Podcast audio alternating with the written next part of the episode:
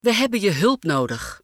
Ook komend jaar willen we weer podcasts als Eerst Dit, Dit is de Bijbel, Het Avondgebed en Moderne Profeten voor je maken.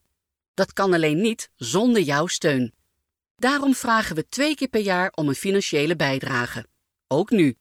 Ga naar Berichten in de Eerst Dit-app of naar de website izb.nl en doneer daar gemakkelijk en snel aan de IZB via een tikkie. Overmaken kan natuurlijk ook. Het rekeningnummer vind je op de website. Alvast hartelijk dank. Eerst dit, de Bijbelpodcast van de Evangelische Omroep, IZB en NPO Radio 5, die je elke werkdag helpt ontdekken wat Jezus volgen voor jou betekent. Vandaag door Kees van Ekris.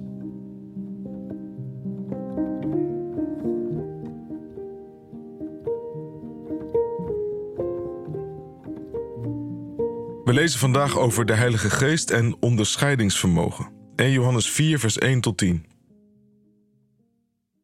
Geliefde broeders en zusters, vertrouw niet elke geest. Onderzoek altijd of een geest van God komt, want er zijn vele valse profeten in de wereld verschenen. De geest van God herkent u hieraan.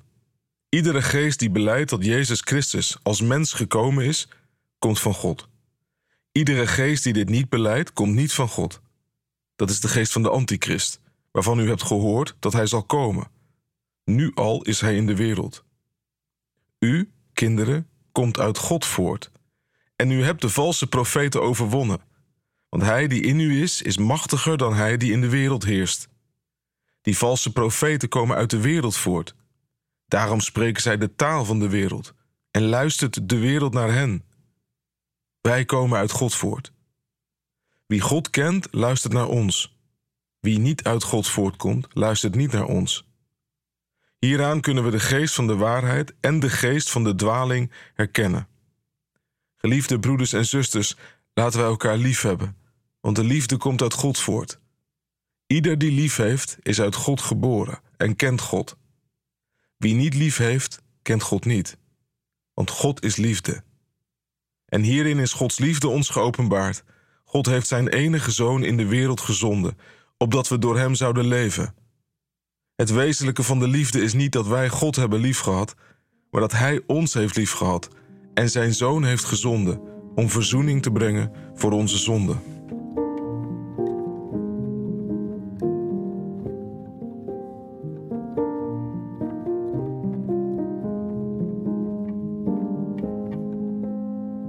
De geestervaring schreef een theoloog.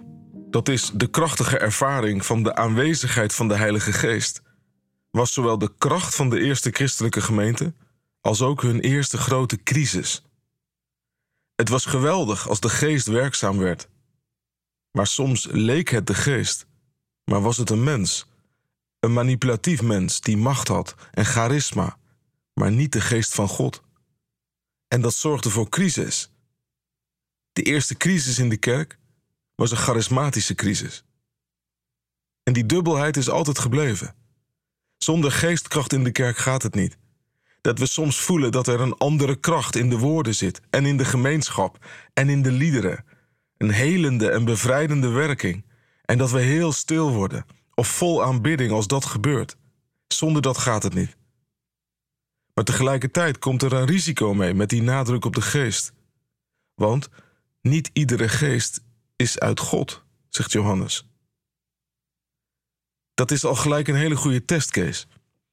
Is iemand die geestrijk is, charismatisch, een voorganger, een dominee, iemand die veel optreedt of een eigen club sticht, is hij of zij bereid om zich te laten testen? Dat zegt Johannes. Je moet de geesten testen. Anderen in de kerk mogen vragen stellen, kritische vragen. En dus is het heel gezond dat een charismatisch iemand bereid is zich te onderwerpen aan de discipline en aan het dogma. Ja, het dogma. Bijvoorbeeld van de incarnatie. Dat God mens werd in Jezus Christus. Dat hij om onze zonde en om ons behoud sterfelijk mens werd in de gekruisigde. Dat is een testcase, zegt Johannes. Als je dat niet gelooft, dan ben je niet christelijk, hoe geestelijk je ook doet. Niet alles wat geestelijk oogt, is het ook. Een mens vol van de Heilige Geest laat zich graag testen door andere gelovigen en door de Bijbel en de traditie. Want niet elke geest is uit God. Bij geest, pneuma, moet je in dit verband denken aan een kracht die je raakt, aanspreekt, beweegt. Soms zelfs begeleid met tekens en wonderen. Dat is een geest of een geestelijke macht. En Johannes zegt: niet alles wat jou raakt en beweegt, en zelfs niet alles wat gepaard gaat met wonderen of aanzienlijke getallen, is uit God. Je moet dat testen. Je moet dus kritisch zijn. Niet alles wat goed voelt is het ook. En niet alles wat lekker bekt is ook waar. Sterker nog, juist dan moeten er soms alarmbellen gaan rinkelen. Als iets heel lekker klinkt en heel smooth is. Johannes schrijft over valse profeten die de taal van de wereld spreken en dat de wereld naar hen luistert. Wereld is bij Johannes de wereld die, die God vijandig is. En als die wereld laaiend enthousiast over iets is, dan moet je ook een beetje op je woorden letten. Dan moet je je eigenlijk laten testen door een paar rijpe christenen. Ben ik nog trouw aan het evangelie? Ben ik trouw aan het dogma? Test me alsjeblieft. Spreker in de kerk moet alert zijn. De dwaling ligt altijd op de loer. Er is ware profetie en valse profetie. De ware profetie bevat schoonheid en waarheid. Ze vraagt iets van mensen. Ze vraagt alles. Ze bevat het heilige en het eeuwige en ze spreekt tegen. Maar de valse profetie is plat en simpel. Die vraagt niks. Die schakelt het denken uit. Die wil niet getest worden. Je kunt dat niet zomaar uitmaken, wat echt is en wat nep. Dat ligt vaak door elkaar heen, soms ook in onszelf. Daarom is er de christelijke gemeente. Daar spreekt Johannes zeer hoog over. Jullie, de gemeente, jullie kunnen de antichrist overwinnen, samen, met Christus in jullie midden en met de liefde. Daar zijn de charismata ook voor bedoeld, voor de gemeente, dat ze samen kan testen wat waar is en wat niet.